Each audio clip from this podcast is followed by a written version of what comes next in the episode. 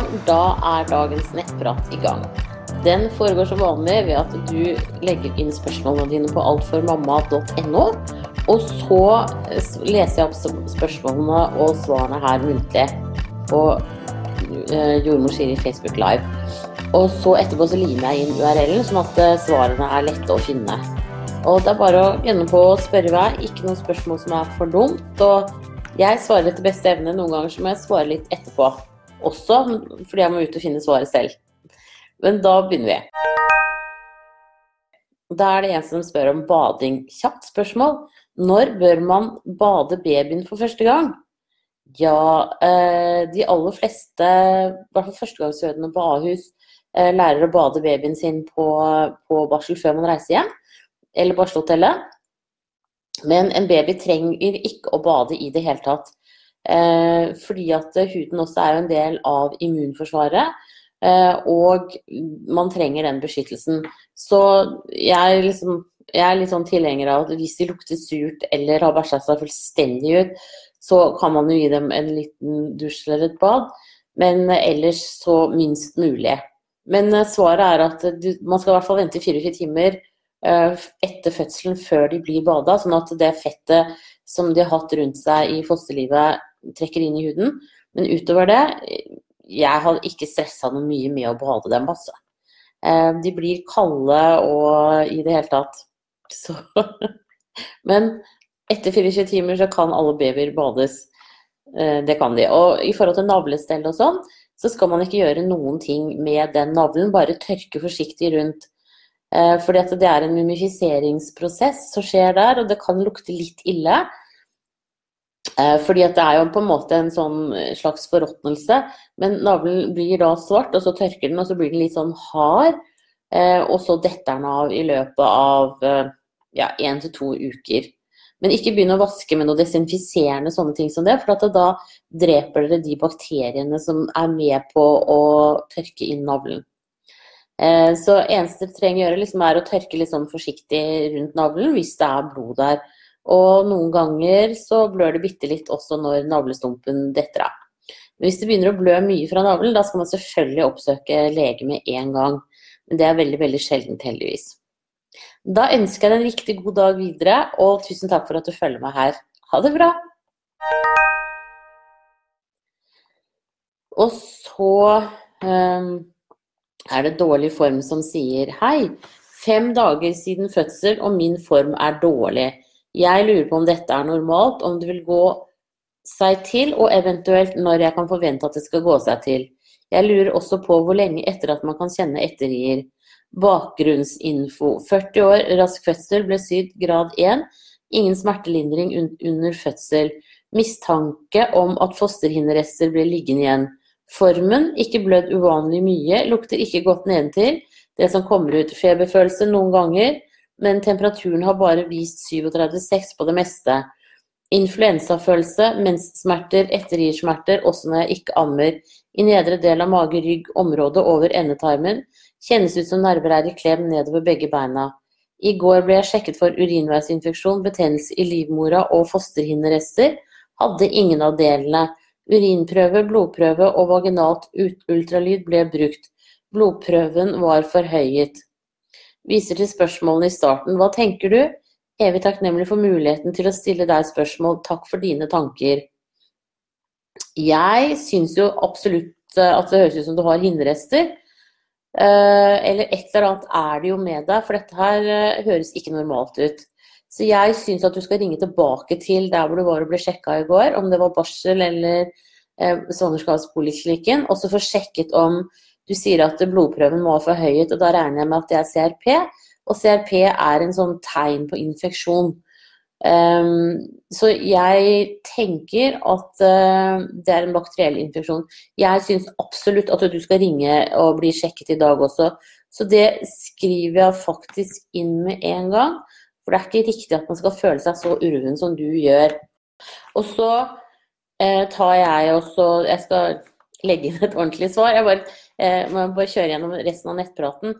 Men jeg tenker at det er når man føler seg så urven som du gjør, og har sånne diffuse smerter og, og sånn, så, så, skal man absolutt sjekkes.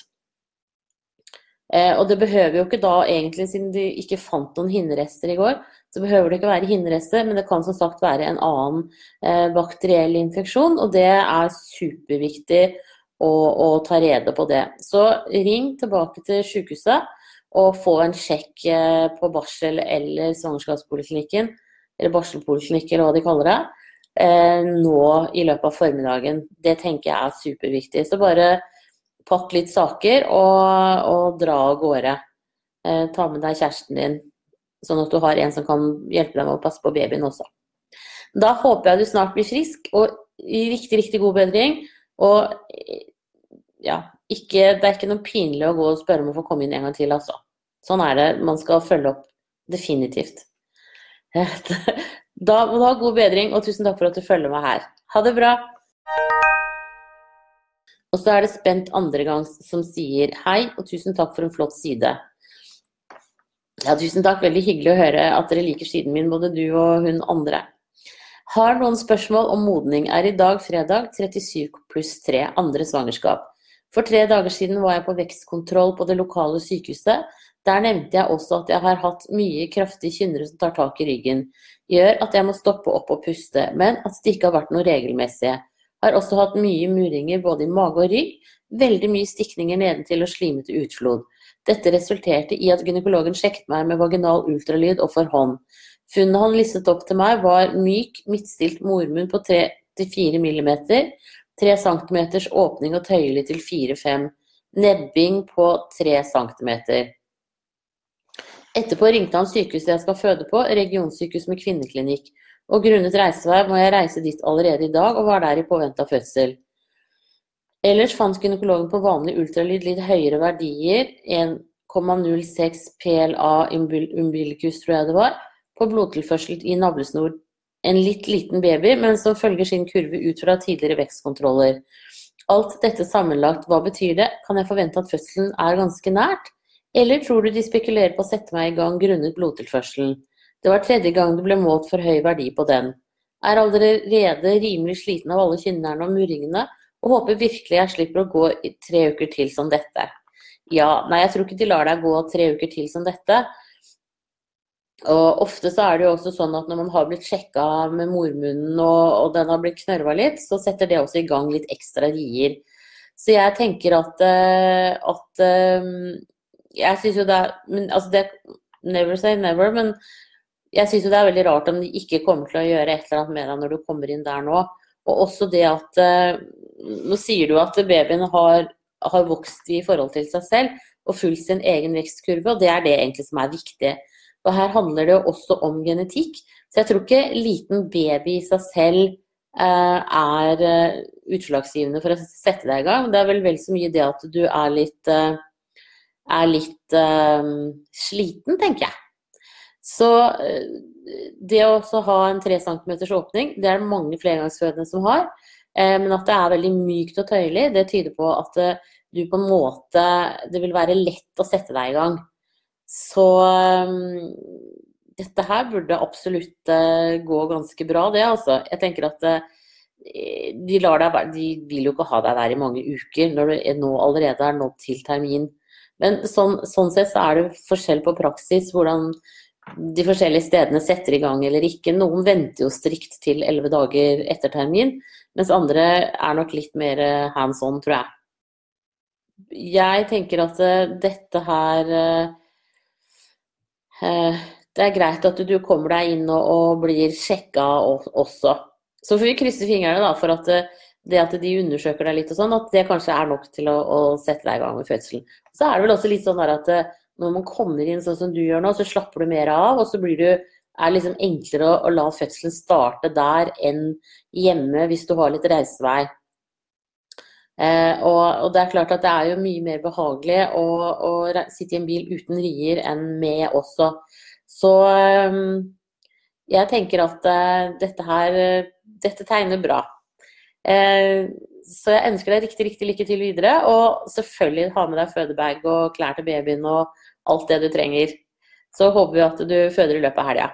Ha det bra! Og så er det hodeleie én eller to. Hei! Var på kontroll for noen uker siden, var ca. 35 uker på vei da.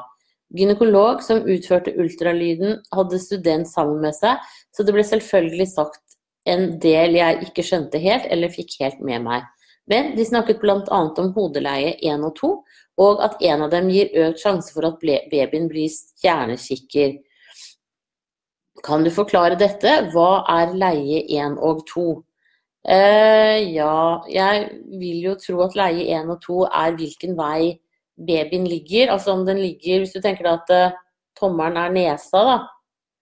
Uh, om den ligger med nesa mot venstre eller mot høyre. Det var ikke lett å gjøre. Eller mot høyre. Sånn. Og for at den skrur seg minste motstandsvei ned i bekkenet. Hvis du ser på inne på Alt for mamma, så er det en artikkel om kardinalbevegelsene. Eh, og det er den måten babyen skrur seg nedover i bekkenet på. Der er søsteren min som er kunstner, laget tegningene, sånn at det, de er ordentlig fine, syns jeg, da selvfølgelig. Eh, men det de viser det. Altså sånn, først så går babyen ned i bekkenet når den fester seg, med nesa mot høyre eller venstre. Og så begynner den å skru seg nedover. Og da snur babyen seg sånn at nesa kommer ned mot endetarmen en stjernekikker, da kommer nesa opp. Eh, og det eneste forskjellen med en stjernekikker, det er at eh, da blir diameteren på hodet litt større. Men ikke fryktelig mye. Og har du et, eh, en baby som ikke er altfor stor og et rimelig greit bekken, så går det helt fint. Det, altså, det er ikke noe problem. Eh, og så kommer jo skuldrene, som er det bredeste, ut. Eh, så ta en titt på, på den artikkelen. Eh, og så ligger det også rundt omkring eh, på YouTube og sånn videoer om selve fødselen. Hvordan du kan se, du kan se hvordan babyen på en måte også skrur seg ut av bekkenet. Sånne animerte videoer. Eh, jeg syns jo, den fagidioten jeg er, at det er morsomt å se på. Så jeg hadde ikke vært så veldig bekymra fra eller til. Og det er jo stor forskjell på babyene om de da Det er vel er det 15-20% som blir født som stjernekikkere. Så de fleste snur seg jo eh, minste motstandsvei ned i bekkenet. Men så kan du også ha noen sånne forhold med bekkenene som gjør at eh, babyen skrur seg litt annerledes ned, da. Men der eh, skal jo jordmødrene være dyktige og kjenne på det som heter pilsømmen, som er den derre eh, Du har liksom fontanelle der, og så er det fontanelle bak, og så mellom så er det en åpning i i eh, hodeskallen til babyene. Og den legger seg faktisk De blir pressa såpass hardt at den legger seg oppå hverandre litt eh, under fødselen. Eh, men det kjennes også veldig tydelig når mormor, jordmor kjenner da inn i eh, Når hodet har kommet godt ned, så kan vi kjenne hvordan babyens eh, hode ligger. Og så beskriver man det i fødselsbeskrivelsen etter hvert. Um, men for din del, ikke noe å bekymre seg for, tenker jeg da. Da ønsker jeg deg riktig lykke til videre, og tusen takk for at du følger meg her. Ha det bra! Og så er det Barsel som spør hvor lenge varer renselsen etter fødsel? Eh, og det er jo litt sånn varierende. Um, uh, det For de aller fleste så avtar jo blødningen allerede de første dagene etter, etter at man har født. Og så er det sånn at rundt 10.-12. dagen så kommer det en ekstra blødning, for da løsner eh, skorpen etter morkaka inni livmoren. Da kan man blø litt sånn friskt, litt sånn mensaktig, eh, i kanskje et døgn. Og så avtar det igjen. Og så er det sånn at man kan ha økt eh, renselse, som da er liksom kan si, avfallsprodukter. For dette, når er, når du er til termin, så veier livmoren en hel kilo. Før du ble gravid, så var den som en tommel, veide en 60-70 gram, og den skal ned til det samme igjen nå etter fødselen, dog 70-80 gram, da, men det er jo lite forskjell på det. Eh, og de, den nedbrytningen av den 1 kilo og 90% muskelmasse, eh, det kommer jo også ut som en del av den renselsen. Ehm, så økt utflod og sånn, det vil de fleste ha i inntil seks uker etter fødsel. Men der varierer det veldig. Um, og så er det mange som opplever at den første mensen som kommer, den kommer som regel innen seks måneder etter at man har født. Men at den første den kan være ganske sånn heftig uh, før liksom kroppen er helt tilbake til seg selv igjen. Men det er også veldig, veldig individuelt. Ikke noe å være noe redd for. Ehm, det som er vel saken, det er jo at du faktisk kan bli gravid også mens du har renselse. Sånn at hvis dere skal ha samleie nå når du kommer hjem, så er det lurt å bruke kondom både pga. oppadstigende infeksjoner, men også rett og slett fordi du kan bli gravid. Sex kan føre til eggløsning, og nå når man nettopp har vært gravid, så vil du ha graviditetshormoner i kroppen i ca. ni uker etter fødselen, som gjør at Altså graviditetsbevarende hormoner, da, som gjør det lettere faktisk å bli gravid. Så akkurat nå den, de første tre månedene så er det i hvert fall superviktig å, å bruke, eh, bruke god prevensjon. Og frem til du har vært på seksukerskontroll hos jordmor eller fastlege, så er det lurt å bruke kondom. Rett og slett. Eh, da ønsker jeg deg riktig lykke til videre, og tusen takk for at du følger meg her. Og så er det G som sier hei. Mulig det er et dumt spørsmål, men er det greit å ligge på magen når man er gravid? Ja, så lenge det er eh, behagelig for deg å ligge på magen, så er det greit. Det veldig mange gjør, er at, du, at man ligger på magen, så trekker man kanskje det ene kneet opp under seg, slik at det ikke blir full vekt på, på magen. Eh, man kan også bruke en pute og bygge seg opp litt. Og etter hvert så, så vil det også være greit å ha en, kanskje en ekstra dyne eh, i senga, sånn at man kan bygge litt under magen og litt mellom knærne. Så der må du på en måte bare prøve deg frem, bare være forberedt på at et lass med ekstra puter og dyner, det må ofte til for at man skal ligge behagelig.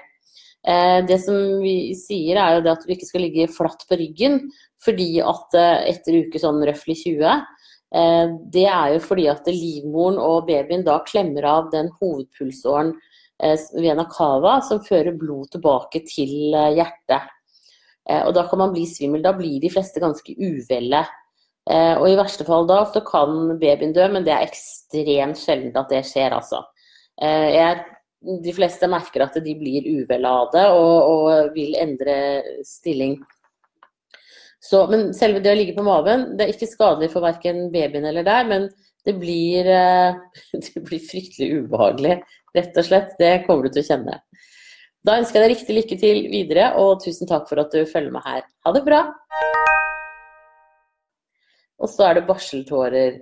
Hei! Hvor lenge kan man forvente barseltårer? Jeg har ei nydelig lita tulle på fire uker, men jeg føler meg så tårevåt og rar enda. Gråter for alt og ingenting hver dag. Føler meg ikke direkte nedstemt, men sliten. Hadde et langt svangerskap med en del plager som gjorde at jeg til slutt ble satt i gang. Så følte meg sliten allerede fra start. Men disse tårene, skal, de skal ikke de snart gi seg? Jo, det er jeg egentlig enig med deg i. At nå begynner du kanskje å ha grått litt lenge. Så jeg tenker at eh, Det kan nok hende at du er mer enn vanlig, har mer enn vanlig barselgråt i deg.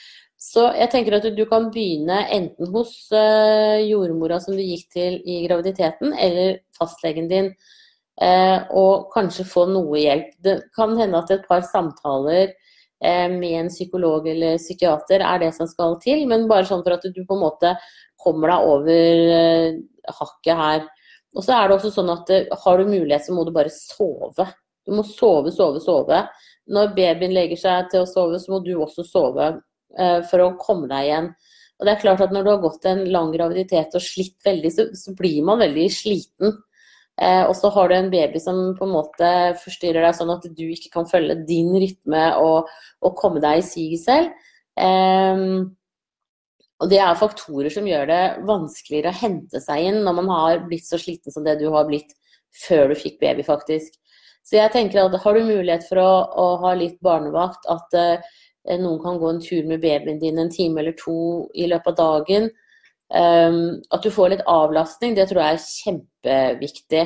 Eh, og noen ganger så kan det også være nødvendig at eh, kjæresten din blir sykemeldt for å hjelpe deg i en periode, sånn at du kommer deg eh, mer til hektene.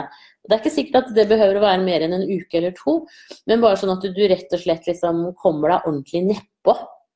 Så ta kontakt med jordmora som du gikk til i graviditeten, hvis det var en ålreit person, eller også da fastlegen din. Og så sørg for at du får jeg tenker at du, du, trenger å få litt hjelp, altså. Nå kan du jo prøve i helgen og få sovet mest mulig. Tenker at kjæresten din kanskje er hjemme. Eh, og så at du på en måte konser ordentlig på å gi fra deg ansvaret, da. Jeg vet at det er supervanskelig, for man har jo ofte sånne ideer om at det bare er en selv som kan ta seg ordentlig av det barnet. Eh, og det er jo den knytningen som blir skapt eh, mellom mor og barn for at mor garantert skal ta seg av barnet. Mens eh, det fins helt sikkert andre i din nærhet som også kan gjøre det. Så prøv i hvert fall nå i helga, også for å komme ordentlig nedpå, at, at du ammer og sånn, men at, at, du på en måte eh, også sover eh, når babyen sover, eller er med andre. At du rett og slett bare går inn i en, en, liten boble sånn bare for å få sovet deg ut. Og så tenker jeg at eh, hvis det ikke hjelper noen ting å sove ordentlig nå i helga, så tar du kontakt med, med fastlegen og sånn på, på, mandag. Og så begynner du en, en liten løp der for å få hjelp. Og da er det jo sånn øh, Oi, nå husker jeg plutselig ikke hva det heter. DPS og sånn som kan, kan være til hjelp. Og dette her er jo et veldig kjent fenomen. ikke sant? At man er jo såpass sliten etter et langt svangerskap og en fødsel at man går litt i kjelleren. Men det er eh, kort vei opp, for å si det sånn.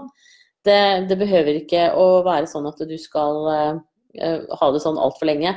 Og det er jo Jeg er veldig sånn på søvn, og det er jo gjort sånn forsøk med militæret, hvor de har um, frarøvet dem søvnen, og de fleste klikker i løpet av en uke.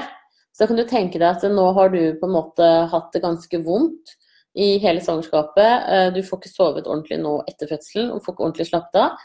Eh, og da, da, blir man litt sånn tussete. Så det at du gråter er på en måte et sånn uttrykk for at du Ja, du er liksom akkurat hakket Har det hakket litt dårlig, da. Eh, så jeg tenker at det er jo det er et godt tegn at man gråter, for at det løsner jo også opp på spenninger og sånn. Eh, men det er også et uttrykk for at du har litt for mye akkurat nå. Så sånn, for din egen del og babyens del og sånn, så tenker jeg at det er eh, en kjempeinvestering å rett og slett eh, få sovet nok. Så prøv det nå i første omgang, se om det hjelper i løpet av helga. Og hvis ikke så kan man da vurdere om kjæresten din kanskje skulle vært litt sykemeldt for å hjelpe deg å avlaste deg. Eh, det, altså Som sagt, det behøver ikke vare lenge. Eh, og at du eventuelt får litt hjelp hos en psykolog eller psykiater. Da ønsker jeg deg riktig, riktig lykke til videre. Og jeg syns det er kjempetøft gjort av deg å, å, stille det spørsmålet her. For det er ikke så mange som på en måte innrømmer for seg selv at de er knegåtte. Du er litt knegått nå, og det, det tenker jeg det er et sunnhetstegn at du sier noe om det her. Så tusen takk for spørsmålet ditt, og jeg ønsker deg riktig, riktig lykke til videre. Og kom gjerne innom og spør mer og fortell hvordan det går. Det syns jeg er veldig interessant å høre om. Da må du ha en riktig, riktig god helg, og jeg kan nesten si sov godt, da. ha det bra. Og da ser det ut som at det var dagens siste spørsmål. Så det jeg gjør da, er at hvis det kommer inn flere spørsmål, så svarer jeg på de skriftlig, rett og slett. Så da ønsker jeg dere alle sammen en strålende helg. Og så ses vi igjen på mandag. Ha det bra.